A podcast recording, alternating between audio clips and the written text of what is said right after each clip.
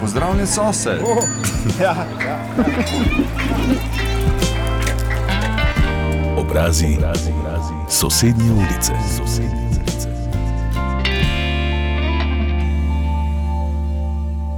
Danes, ko mineva sto let od plebiscita o državni pripadnosti prebivalcev Koroške, se spominjamo dogodka, ki je globoko zarezal v slovensko zavest. Po preštetju glasov je Koroška z izjemo Mežiške doline, Jezerskega in Kanalske doline pripadla Republiki Avstriji.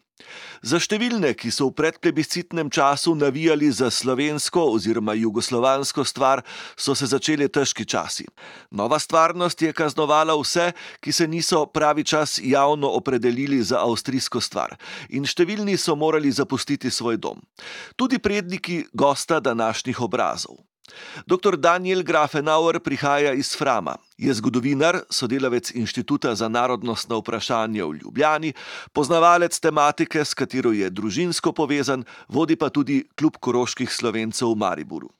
Ta datum sedaj predstavlja eh, izgubo korotana kot, eh, kot slovenske zibelke, vendar sto let po plebiscitu je ena drugačna konotacija dogodki okoli 1918-20 so v moji zavesti tudi preko družinskih povezav poznani, še posebej živi, kajti det je kot mlad študent na učiteljišču v Velikovcu, najprej v Celovcu in potem v Velikovcu, odšel s trebuhom za kruhom, ali če tako rečem, oziroma si je moral poiskati življenjsko eksistenco v takratni jugoslovanski Sloveniji.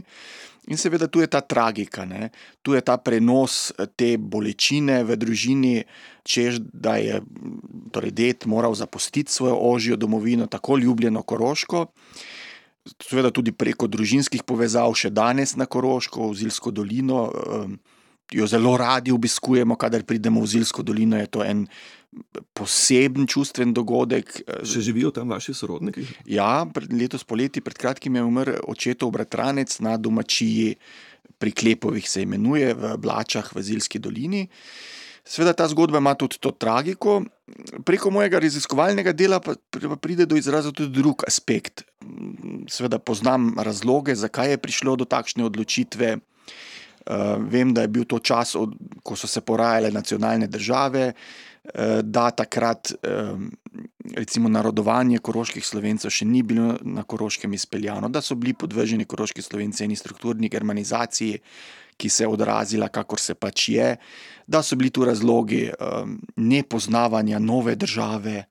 Na eni strani, torej kraljevine Srbov in Hrvatov ter Slovencev, ter na drugi strani poznavanje aparata, kateremu, v katerem so bili koroški slovenci več stoletij vključeni, da so bile tu različne propagandne dejavnosti, um, naprimer opozarjanje na eno srpsko pravoslavno vero, ki bo prevladovala v Novi Jugoslaviji, na manjše delovske pravice v kraljevini nasproti republiki Avstriji, ki je bila takrat državna ureditev republika, tu je bila pa monarhija in številni drugi razlogi. Ne.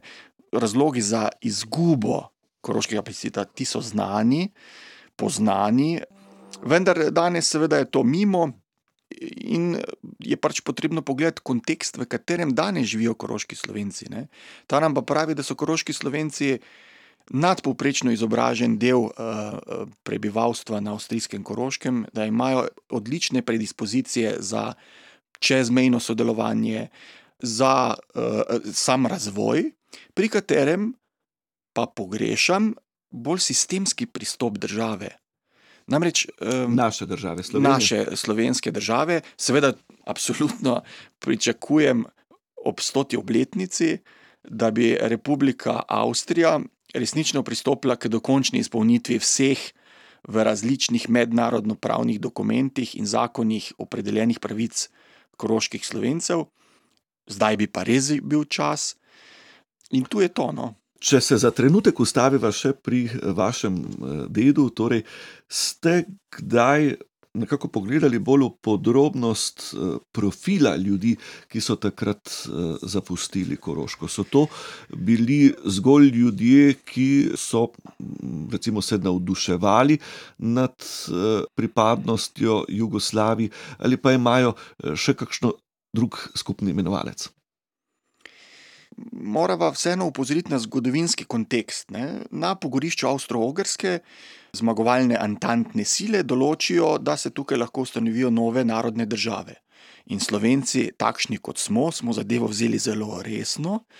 Eh, sklepali smo, da določila mirovne konference v Parizu, da naj bodo državne meje skladne z etničnimi in jezikovnimi, to velja. Zato je takratna slovenska elita, intelektualna in politična, želela ali pa zahtevala, da se tudi deli Koroške, slovenski etnični deli Koroške, združijo s takratno novo nastalo kraljevino Srbov, Hrvatov in Slovencev. No, in tisti ljudje, ki so se v tem plebiscitnem času, v plebiscitnem političnem agitacijskem boju, pa tudi v vojaških bojih, eh, odločili za slovensko, jugoslovansko stran, so se odločili na temelju tega, kar je bilo javno znano. Vendar na to v sami deželi Koroški to ni bilo smatrano kot normalno dejanje, da si se ti odločil legitimno in legalno za eno in drugo stran, kar je plebiscit bil. Ampak so smatrali, da tisti, ki so glasovali za Jugoslavijo, da je to bila izdaja torej, zvestobe deželi Koroški, tako znan deželni eh, patriotizem na Koroškem, ki je še danes izredno živ. In so tiste, ki so tako glasovali, imenovali Iredenta, torej vi skozi gledate z enim očesom na jug, in tem je bil pravzaprav napovedan neprestan obrambni boj. Zdaj, ker je v teh agitacijskih prizadevanjih sodelovalo velik del inteligence, koroške, mlade, nastajajoče inteligence, so seveda ti potem izgubili možnost življenjske eksistence na Koroškem. Namreč država Koroške je odpustila iz službe vse koroško-slovenske učitelje. Vso uradništvo iz plebiscitne cone A, orožništvo se je moralo umakniti. Tukaj so bili eh, prisotna so bila nasilstva, grožnje, upadi v, naprimer, eh, v slovenske hiše, pretepi, tudi obstreljevanja koroških slovencev. Poznamo kar nekaj primerov.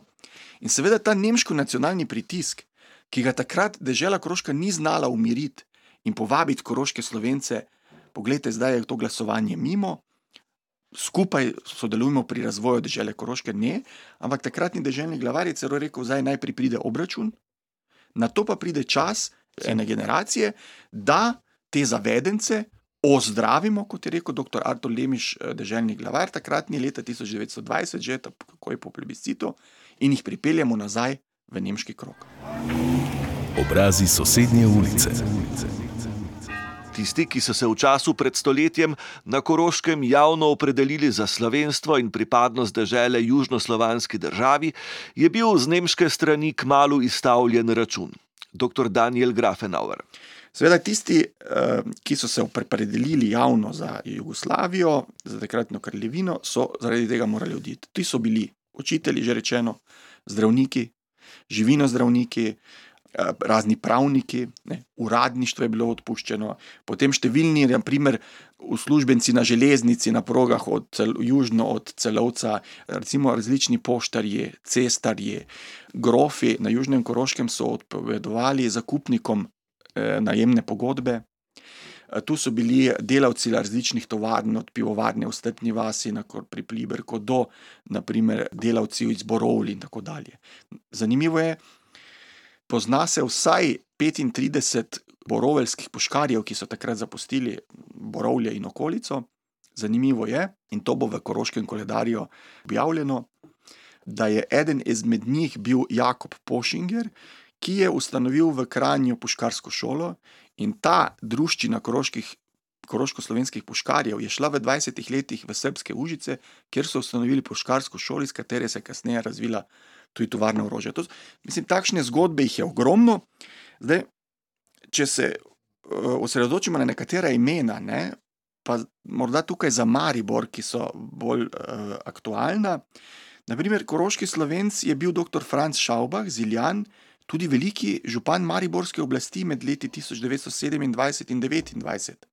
Potem tukaj recimo imamo prvega predsednika kluba koroških slovencev v Mariboru, torej tiste organizacije, ki je združevala te poplebiscitne pregnance. Naprimer je bil tovarnar Ivan Hohmiller. Eh, potem imamo tukaj eh, poslanca v Beograjskem parlamentu v 20 letih, vodjo ali pa ravnatelja socialnih domov v Mariboru, naprimer Antona Brantnerja. Imamo eno plejado učiteljev, morda tukaj izpostavim Simona Dobrnika. In še bi lahko našteval. Če greva na nacionalni nivo, so imeli recimo koroški slovenski izobraženci v času med obema svetovnima vojnama v duhovnem ali pa kulturnem življenju Slovencev izredno pomembno vlogo. Naj omenim rektorja Ljubljanske univerze, dr. Rada Kušeja, naj omenim eh, številne duhovnike, visoke crkvene dostojanstvenike, dr. Gregori Rožman, prošt Gregor Einšpiler, kanonik dr. Janko Arnejc. Ne. Tukaj imamo profesore tudi Ljubljanske univerze, dr. Albin Ogris, dr. Fran Ehler, dr. Lambert Erlich. In še bi lahko naštevala to inteligenco. Če morda se omen, samo omenimo še pravnike, imamo tukaj najbolj izpostavljenega dr. Julija Felaherja, ki je bil dolgoletni predsednik kluba Koroških slovencev, vse do svoje smrti leta 1969, in on je bil pravzaprav duša tega koroškega povezovanja v Sloveniji in čez mejo. Imamo številne pravnike, od um, dr. Vizerja, dr. Blaža Reichmana, dr. Krambergerja in še bi lahko našteval. Torej, ta inteligenca, ki je odšla po plebiscitu, ni odšla prostovoljno, ampak je odšla zaradi tega, ker si je morala življenjsko eksistenco poiskati kje drugje.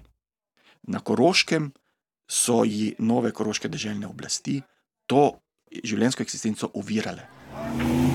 Obrazi sosednje ulice.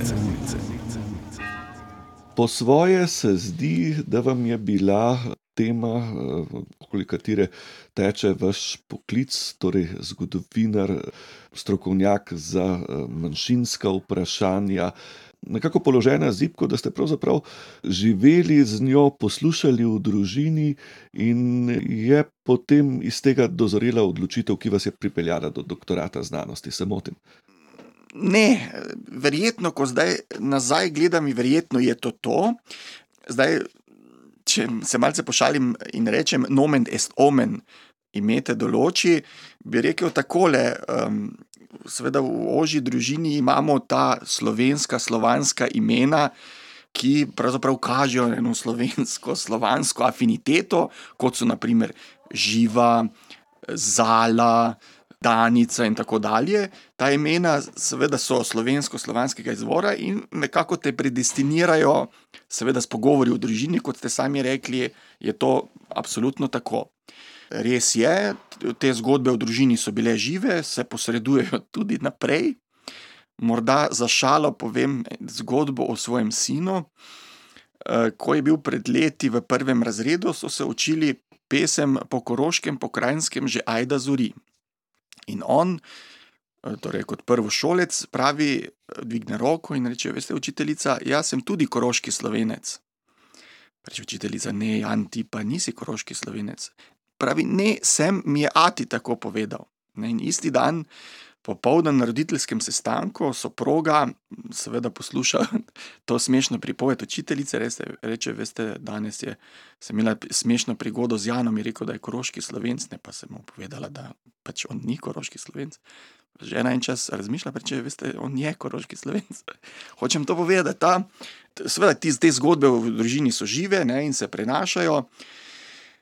In um, načeloma to potem. Um, nekako rezultira v poznavanje same tematike. Ne? Tako je tudi v mojem primeru, seveda, bil na, na izobraževalni poti, um, torej semestrski obisk univerze v celovcu, tukaj te navezave na Koroško so bile žive, tudi, tudi z številnimi koroškimi slovenci se tekom let, sem, torej se tekom let spletejo izredno dobre, pristne, prijateljske vezi ki mi seveda sedaj izjemno, izjemno pomagajo pri tudi mojem drugem delu, recimo raziskovalnem, tem eh, delu v klubu Koroških slovencev, in je to samo dobrodošlo. Prav to študijsko bivanje v celovcu je bilo za vas izjemno pomembno. Podali ste se v središče nekega sveta zanimanja in se srečali z bistvom funkcioniranja tega prostora, hkrati imeli eh, stik eh, s profesori, ki so bili polni znanja in vedenja o tem. Zakaj je bila ta izkušnja za vas tako pomembna, kaj vam je dala? Ja, bom tudi začel z eno prigodo, ki je izredno eh, sama izpovedna. Ko sem prišel v celovec, sem seveda poznal razmere že odprej, od doma in tako dalje. Vendar, ko sem obiskal Slovenski znanstveni inštitut v celovcu in takratnega ravnatelja, direktorja dr. Augustina Maleja, koroškega slovenca, ter prišel v njegovo pisarno in pozdravil: Dober dan, prihajam iz univerze v Klagenfurtu, kjer sem takrat eh, študiral. Me dr. Male vpraša, odkot prihajate? Sem rekel, jaz iz univerze v Klagenfurtu. Je rekel, odkot prihajate? Sem rekel, iz univerze v celovcu. Izvolite, prosim, usedite se. To mi je, takšno, lekcija. to mi je bila takšna lekcija, ki mi je dala eno popotnico za naprej, na katero se z dr. Maljem še danes večkrat nasmejima. Ampak mi je odprla oči, kaj ti danes, ko slišim tudi v javnem življenju, pa med, nasploh med javnostjo v Sloveniji, ko govorijo, da gredo v Avstrijo, da gredo v Filah, v Klagenfurt in Bleiburg. Pač razmišljam, kaj je šlo na robe, kje je šlo na robe. Ali Slovenci ne vemo, da, da za našimi mejami živi tudi slovenska narodna skupnost, pa ne samo na Koroškem, tudi na Italiji, tudi na Mačarskem, na koncu koncev tudi na Hrvaškem. Eh, postanem seveda pozoren, vendar se vedno zavedam, da kakorkoli sam sem zgodovinar in sem na takšna vprašanja bolj občutljiv, vendar bi si vseeno želel večje zavedanje v srednji Sloveniji, da imamo tudi za mejah. Da, za mejami naše torej, rojake, torej slovensko narodno skupnost, in ki jo premalo poznamo. Obrazi sosednje ulice. Dr. Daniel Grafenauer, gost današnje oddaje, je del svojega študentskega obdobja preživel tudi na Univerzi v Celovcu.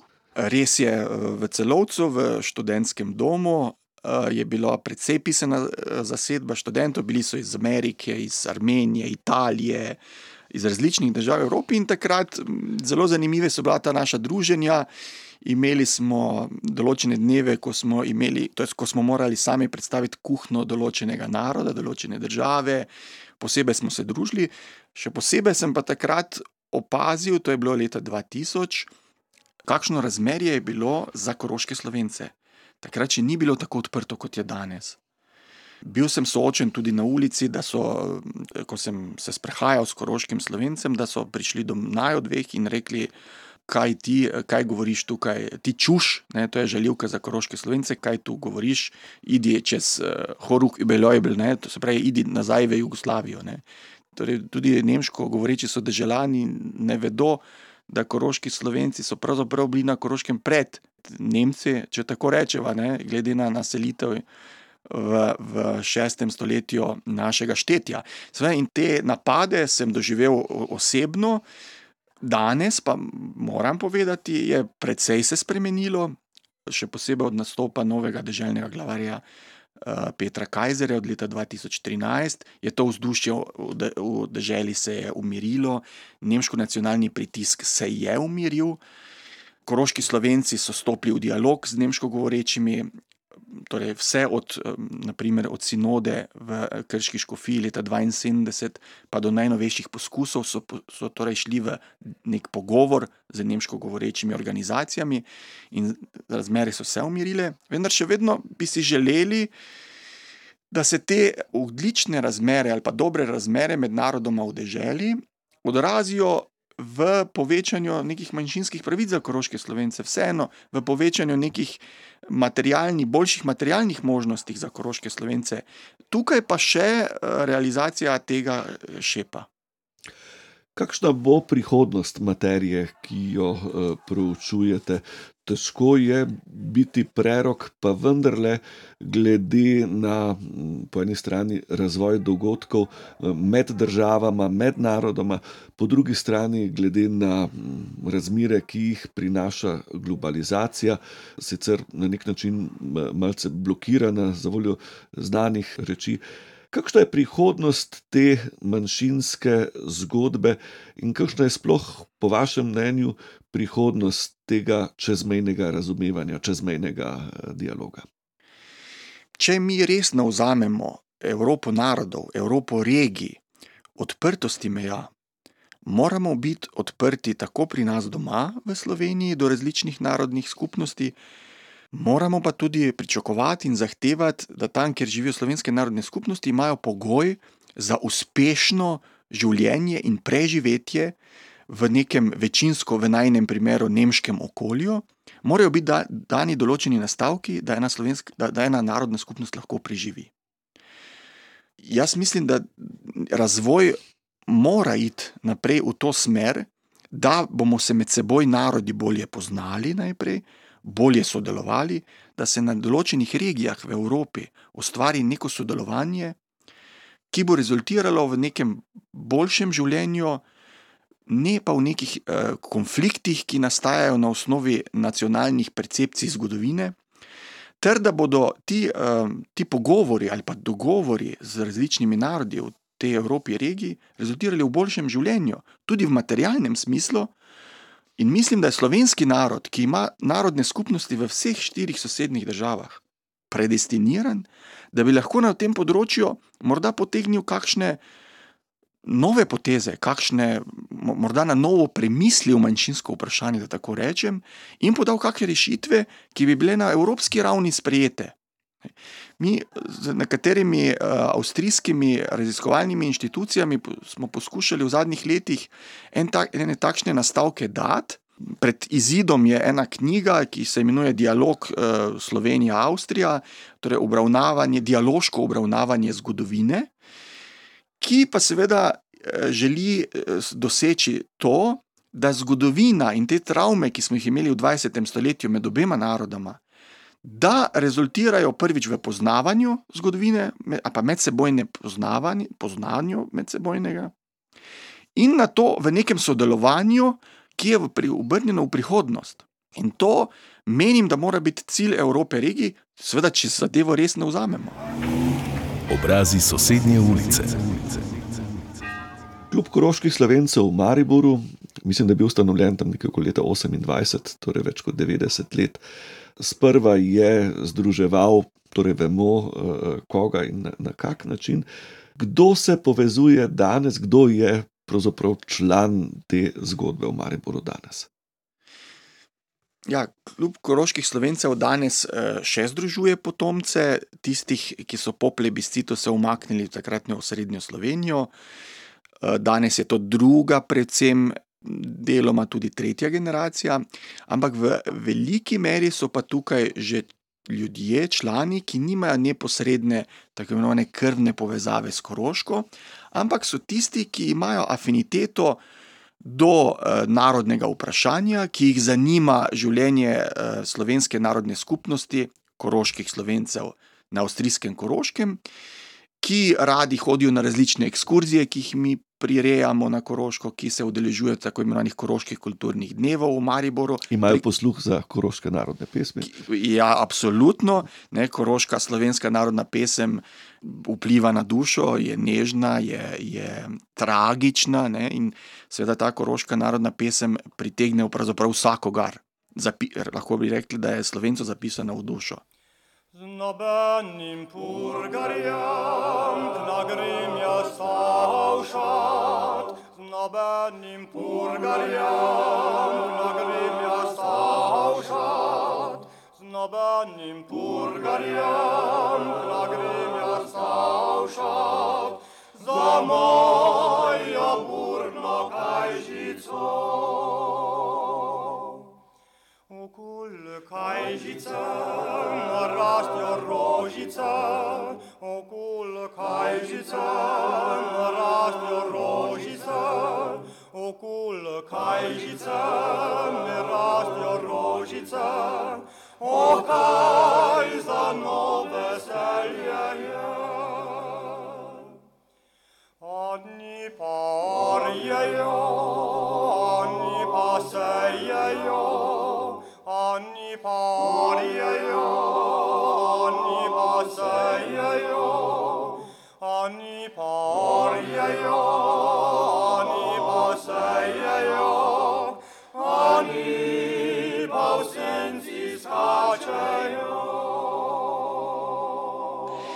No, in ti ljudje danes so zelo različni, ki se združujejo.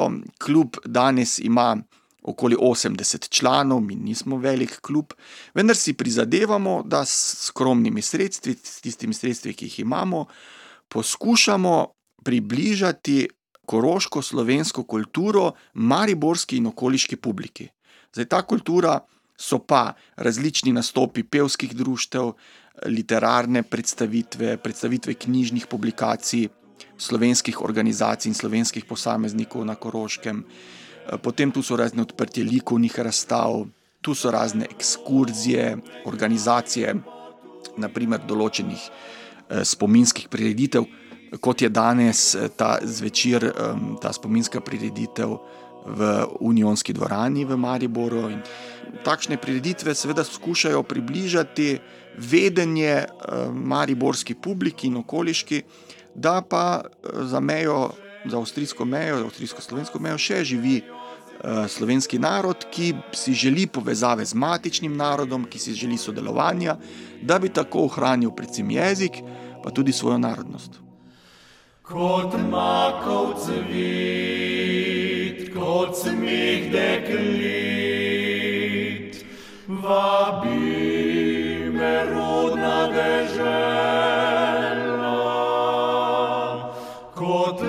lastovka se vračam tja, kjer sem nekoč bil doma. Šel bom visoke planine, na jih pa bom hodil sedit. Deo bo mizero bashko, sheu bum na ružico spit, bum spit. Vabi pod juna me lipa, vabi me zisko poli, vabi me ružna doli,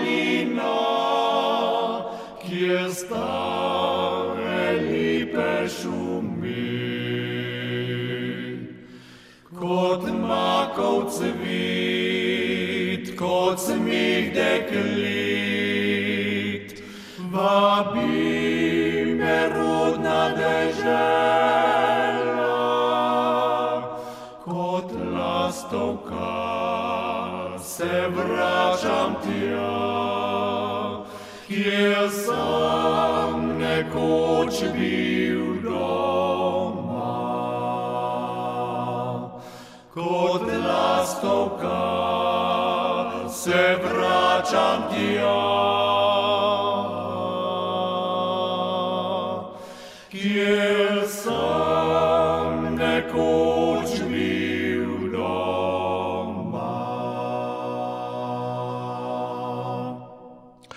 Gost tokratnih obrazov je bil dr. Daniel Grafenauer, zgodovinar, strokovnjak za manjšinska vprašanja in tudi družinsko povezan z vprašanjem Koroške. In mislim, da je slovenski narod, ki ima narodne skupnosti v vseh štirih sosednjih državah, predestiniran, da bi lahko na tem področju morda potegnil kakšne nove poteze, kakšne morda na novo premislil manjšinsko vprašanje, da tako rečem, in podal kakšne rešitve, ki bi bile na evropski ravni sprejete. Ni na ključje, da je bil naš gost na simboličen dan, na stoletnico koroškega plebiscita. Odajo sem pripravil Stane Kocutar. Obrazi sosednje ulice. Sosednje